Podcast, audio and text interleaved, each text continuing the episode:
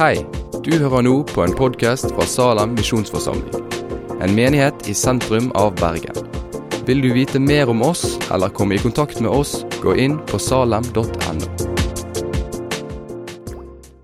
Eh, Jeg heter Paul Reidar Odé. Jeg eh, sitter i styret her i Salem.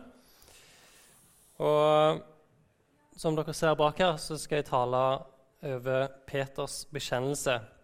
Hvem sier du at Jesus er? Eh, og Det er en serie i en taleserie som vi begynt med for ca. en måned siden, eh, som vi kaller Speilbilder. Og Da ser vi på definerende øyeblikk i Jesus sitt liv. Og så prøver vi å speile og se på hvordan det òg kan definere oss. Og siden det skal handle om Peter eh, i dag, så tenkte jeg å begynne å si litt generelt om Peter. Jeg skal komme tilbake til teksten vi skal lese med bekjennelsen etterpå. Men av apostlene så er Peter kanskje det mest kjente. Han, eh, han er den kanskje vi hører mest om òg. Og han er en del av Jesus sin innerste krets. Jesus hadde, Jesus hadde jo mange disipler. Han hadde jo de folkeskarene på mange tusen. Og så hadde han en, en mindre krets av 70 disipler. Og så har han de tolv som vi kjenner veldig godt til, apostlene. Og så har han òg en indre krets der igjen, som er Peter, Jakob og Johannes. Uh, og Peter er kanskje den nærmeste der. Peter bodde jo sammen med Jesus òg. Så Peter er det nærmeste du kommer bestekompisen til Jesus. De var veldig tett sammen. Og Personligheten til Peter det er at han er en naturlig leder. Uh, han har en form for lederposisjon i disippelflokken. Muligens uh, selvoppnevnt. Det er ikke noen sånn formell tittel på det. Og Ofte når Jesus spør apostlene samla, så så tar Peter og svarer på vegne av alle apostlene. Så han tar initiativet. Eh, han er selvsikker og hadde ganske høye tanker om seg sjøl. Ikke nødvendigvis på en arrogant måte, men han tenkte at eh, han, han, tenkte positive ting om seg sjøl. Han var mer det motsatte av janteloven. F.eks. når han sier at selv om alle andre svikter deg, Jesus, så skal aldri jeg gjøre det. Så setter han seg jo egentlig over de andre. Men det er likevel, han, han har tro på seg sjøl, og han tror at eh, han skal få det til. At han er trofast. Så vet vi jo at Peter faktisk endte opp med å fornekte Jesus. Jeg skal komme tilbake til det litt seinere. Men det er litt sånn introduksjon eh, om Peter. Så skal vi lese en tekst i Matteus 16, vers 13-18. Da Jesus var kommet til traktene ved Cesarea Filippi, spurte han sine disipler, 'Hvem sier folk at menneskesønnen er?' De svarte, 'Noen sier døperen Johannes, andre Elias, andre igjen Jeremia eller en av profetene.' Han sier til dem, 'Men dere, hvem sier dere at jeg er?' Da svarte Simon Peter og sa, 'Du er Messias, den levende Guds sønn.' Jesus svarte ham og sa, Salig er du, Simon, Jonas' sønn. For det er ikke kjøtt og blod som har åpenbart dette for deg, men min far i himmelen. Jeg sier deg at du er Peter, og på denne klippet vil jeg bygge min menighet, og dødsrikets porter skal ikke få makt over den. Så Jesus er på tur med eh, disippelflokken sin. Og så kommer det til et punkt der han spør de, hvem sier egentlig folk at jeg er. Hva hører dere rundt omkring? Eh, og Så bruker han et uttrykk om seg sjøl. Han snakker jo om seg sjøl i tredjeperson. Han sier hvem sier folk at menneskesønnen er. Og Jesus er veldig glad i å bruke det uttrykket 'menneskesønnen' om seg sjøl. Eh, det er noe vi finner i Daniel kapittel 7, etter synet som Daniel har, der det blir nevnt en som ligner en menneskesønn. Og han blir gitt herredømme, ære og rike av Gud, så alle folk skal ta og tjene han. Så Jesus har på en måte en, en tittel på seg sjøl allerede når han spør. Men disiplene svarer. De sier Noen sier døperen Johannes, noen Elias, noen Jeremia, og andre sier at du er en annen stor profet.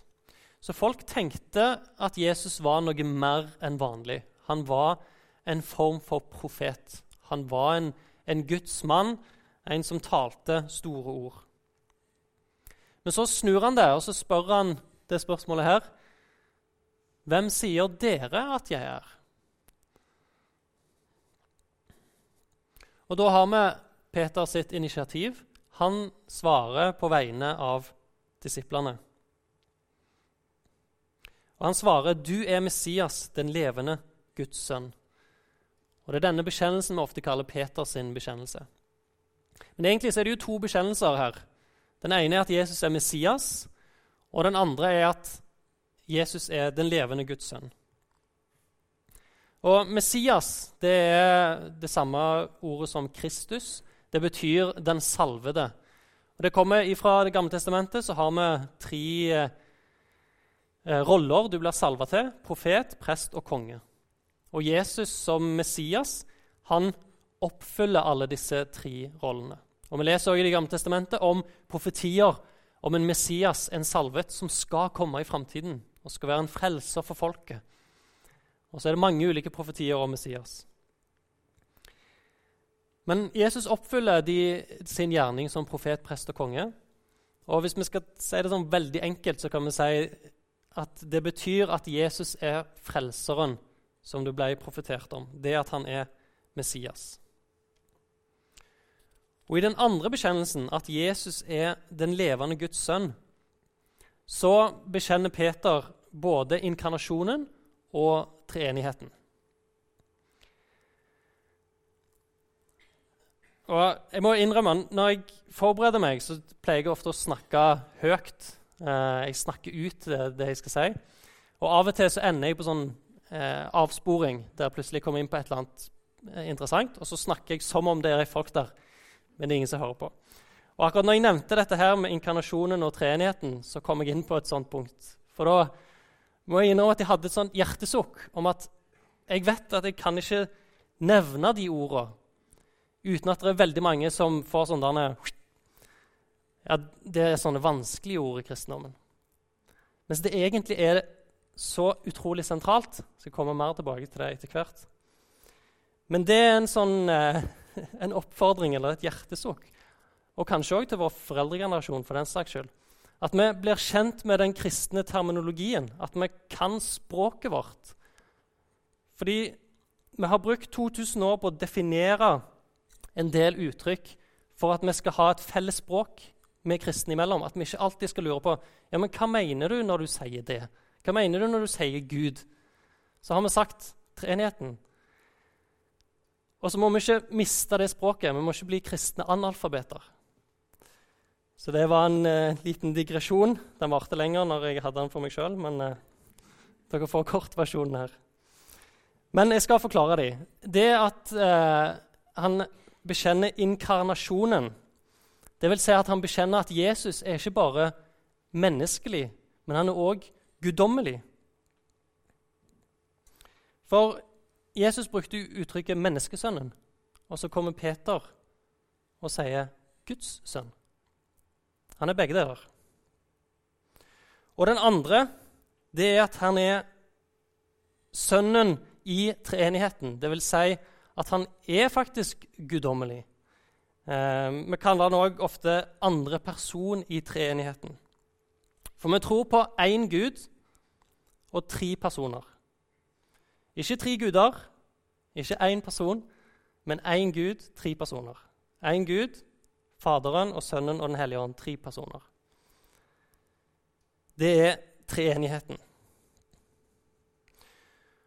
Og det med inkarnasjonen, et, et, en lett måte å huske det på, kan være å tenke på eh, altså inkarne. Karne betyr jo kjøtt på en del språk. Du kan tenke chili con carne. Og det vil si å ta på seg kjøtt, eller å bli kjøtt. Og Det er egentlig det det betyr. Jesus som Gud, som den andre personen i treenigheten, tok på seg kjøtt, ble menneske av kjøtt og blod. Han opphører ikke å bli Gud, men han er likevel fullt ut menneske. Han er både Gud og menneske. Fullt ut Gud, fullt ut menneske. Det er det vi legger i inkarnasjonen. Og denne bekjennelsen, Jesus er Messias, den levende Guds sønn, det kan du nesten kalle definisjonen av kristendommen.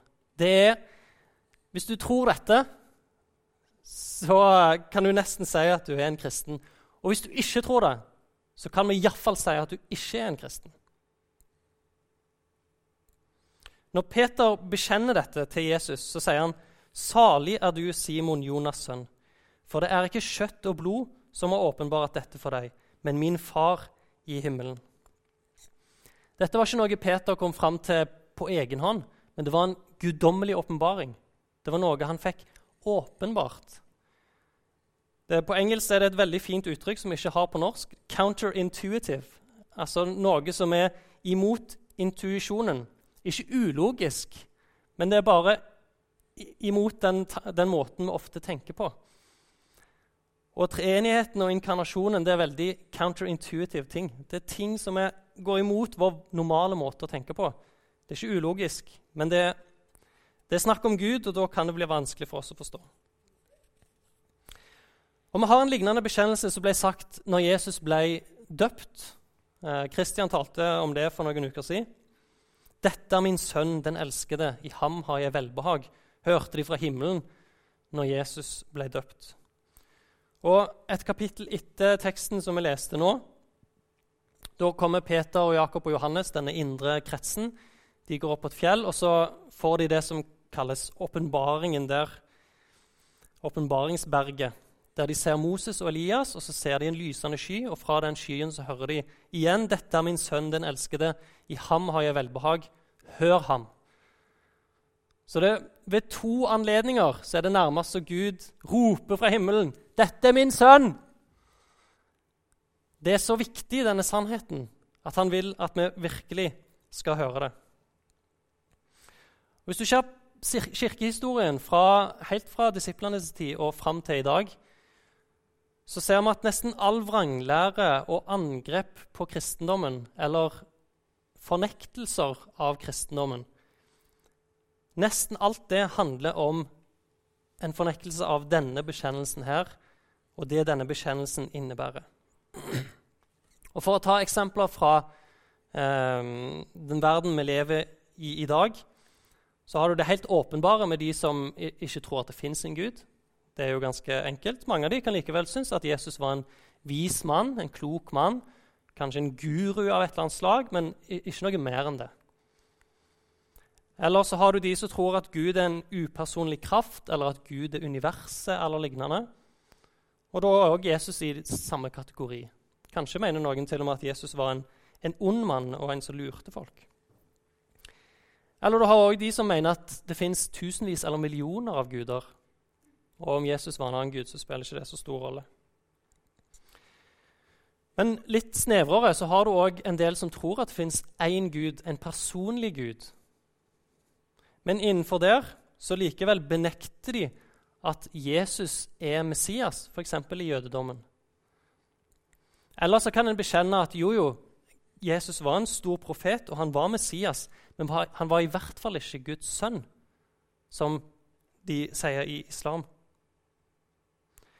Eller hvis du kommer enda nærmere, så kan du ha de som sier de tror på Bibelen, men likevel benekter treenigheten. På begge sider. Eh, du har f.eks. Jehovas vitne, som tror at Jesus er en gud med liten g. Han er likevel en skapning, men han er den største skapningen. Men han er ikke evig som Faderen.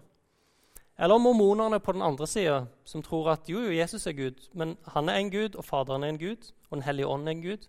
Og det fins faktisk flere guder. Vi kunne fortsatt med mange flere eksempler, men poenget er at denne bekjennelsen, den som faktisk gjorde at Jesus til slutt ble korsfesta, den som gjorde at disiplene ble forfulgt, at de ble forfulgt for sin tro, det er den samme bekjennelsen som vi holder fast ved i 2017. Den samme bekjennelsen som fremdeles blir benekta av veldig mange mennesker. Og Jeg nevnte innledningsvis at Peter endte opp med å fornekte Jesus mot slutten av uh, Jesu liv. Og Hvis vi bruker dette speilbildet nå og vender det på oss sjøl, så kan vi jo spørre oss har vi en tendens til å oppføre oss som Peter. Er det lett for oss å bekjenne høyt og tydelig Jesus er Messias, den levende Guds sønn, når vi er sammen med disipler, når vi er sammen med de kristne? Og så blir det vanskeligere når vi er ute i verden, der det er kanskje en kostnad å komme med den samme bekjennelsen. Der det kanskje kan få negative konsekvenser for oss. Er vi mindre frimodige da? Er vi kanskje litt tilbaketrukne, eller tier vi helt stille? Eller benekter vi rett ut, sånn som Peter gjorde? Poenget er ikke at vi skal være in your face med troen vår hele tida. Det tror jeg ikke er rett heller. Men hvis det dukker opp en mulighet, griper vi den. Hvis det, vi får et spørsmål, tar vi tak i det og, og går videre med det? Eller prøver vi å skygge unna og ikke, ikke komme inn på det så mye som mulig? Prøver vi å styre unna? For enn så lenge så koster det oss veldig lite i Norge å holde fast ved denne bekjennelsen. Vi risikerer ikke å bli drept eller satt i fengsel eller bli forfulgt eller noe alvorlig. Men vår utfordring er at vi har større menneskefrykt enn vi har gudsfrykt. Vi er mer redd for redd for hva andre mennesker tenker om oss, enn vi er for den allmektige Gud. Det er jo egentlig helt absurd, men, men sånn er det. At vi frykter at noen tror jeg er dum, det frykter vi mer enn den allmektige Gud. Og tenk at noe så banalt kan påvirke livet oss i så stor grad. Påvirke oppførselen, tankene, følelsene våre. Derfor er det viktig at vi kommer sammen som kristne, kommer sammen på møter, ber sammen, synger sammen, deler nattverd sammen, og at vi får et riktig perspektiv på ting. At vi kalibrerer antennen og perspektivet vårt. At vi ikke ser bare her, men at vi har et evighetsperspektiv. Fordi i evighetsperspektivet så har vårt eget evige liv og våre venner og families eget liv, evige liv mye større betydning enn vår stolthet. Vi må ikke sette det høyere enn det evige livet til de vi bryr oss om, og vårt eget. Men det som er så fint med Bibelen, det er at det er sant, det som står her. Og da får vi òg sanne historier om mennesker, syndige mennesker, som meg og deg. Og vi får se at en fyr sånn som Peter gjør feil gang på gang, men likevel får komme tilbake til Messias, får komme tilbake til sin frelser og får hvile i nåden og i hans frelsesverk. Og Det samme skal vi òg få, lov til. Men så skal vi òg se på disse menneskene, disse troens helter, som forbilder, noe å leve opp til. Peter falt. Han fikk tilgivelse etterpå, men han endte jo opp som martyr. Han endte jo opp med å dø for den bekjennelsen han hadde.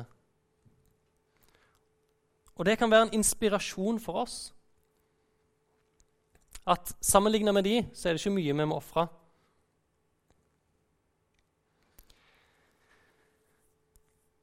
Skal komme litt eh, tilbake til teksten. Eh, og det er egentlig bare det siste verset eh, som gjenstår. Vers 18. Jeg skal ta og lese det på nytt. Etter at Peter bekjenner det han sa, og Jesus sier dette er en guddommelig åpenbaring, så sier han, 'Jeg sier deg at du er Peter, og på denne klippet vil jeg bygge min menighet.' Og dødsrikets porter skal ikke få makt over den. Eh, dette verset er egentlig et veldig spennende vers. Eh, for det er ganske stor uenighet om hvordan det skal tolkes. Eh, og jeg skal komme litt inn på navnet til Peter, for det har litt å si. Det er et sånn ordspill inni her. Det kan godt hende mange av dere vet om det allerede. Men Peter han heter opprinnelig på hebraisk Simon. Han kaller han jo Simon Peter. Og når han begynner å følge Jesus, så får han navnet Kefas. Kefas det er arameisk. Det var det på en måte dagligtaksspråket som de hadde. Og på gresk så er Kefas Petros, eller Peter, som vi oversetter det til på norsk. Og Det betyr klippe eller stein. Så han får navnet Kefas eller Petros, som betyr klippe eller stein. Og Da ser vi dette ordspillet her. At etter han har kommet med en bekjennelse, at Jesus er Messias, den levende Guds sønn, og han sier dette er en guddommelig åpenbaring, så sier han du er jo Peter, og på denne klippen vil jeg bygge min menighet. Og Slår du opp i et grunntekstverktøy, så ser du at klippen her det er greske Petra. Kanskje noen her er gamle nok til å huske det gamle bandet Petra. Det er herfra. Det betyr rett og slett klippe. Men Jesus sier, 'Du er Petros, og på denne Petra vil jeg bygge min klippe.' Min menighet. Beklager. Og Da er det store spørsmålet hva viser den klippen tilbake til? Viser han tilbake til Peters bekjennelse, eller viser han tilbake til Peter sjøl? Den historiske tolkningen er at klippen viser tilbake til Peters bekjennelse, at Jesus er Messias, den levende Guds sønn. Men en ganske utbredt tolkning som den katolske kirka har, det er at denne bekjennelsen, klippen, viser tilbake til Peter sjøl. Det kan kanskje virke litt sånn ubetydelig, men dette er et av de hovedversene som katolikkene bruker for å argumentere for at Peter var den første paven, og at alle paver etter han har fått den samme autoriteten fram til pave Johannes Paul 2. Så du kan på en måte snuble litt på det og spørre er det paven eller er det Jesus som er klippen. Er det paven eller er det Jesus som er fundamentet for menigheten? Er det paven eller Jesus som menigheten er bygd på? Salem er jo en del av Norsk Luthersk Misjonsforbund, og den lutherske kirke anser ikke paven som klippen. Vi ser ikke på Guds menighet som et ovenfra-ned-fellesskap, men nedenfra-opp-fellesskap. Vi har jo pastor her i Salem. Vi kan ha eldste og hyrder i ulike menigheter.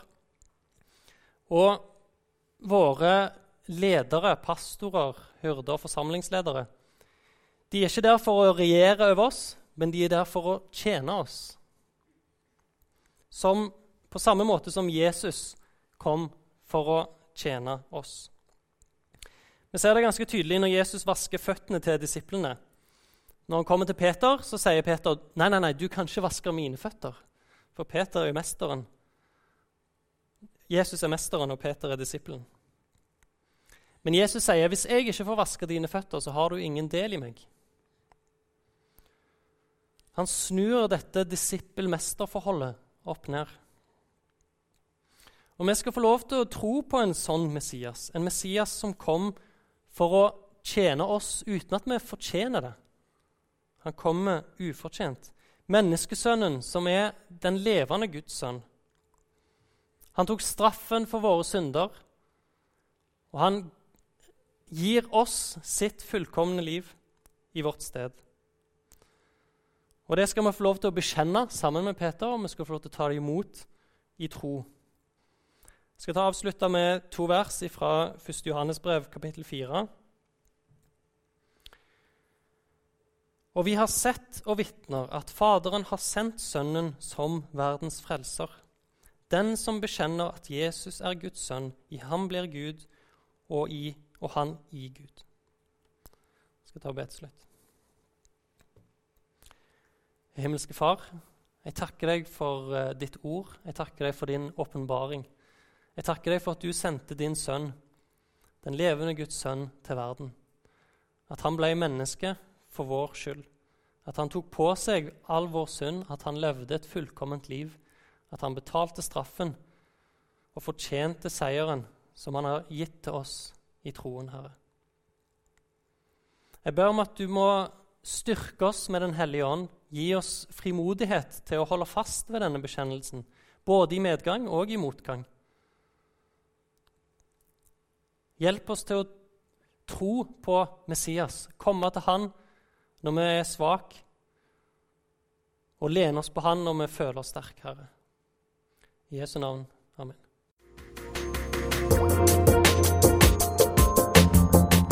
Takk for at du har hørt på podkasten fra Salem, Bergen. I Salem vil vi vokse i et stadig dypere fellesskap med Gud og med hverandre. Vi vil være Jesu hender og føtter, og vi vil være med å forkynne frelse for Bergen og resten av verden. Besøk oss gjerne på salem.no om du vil vite mer.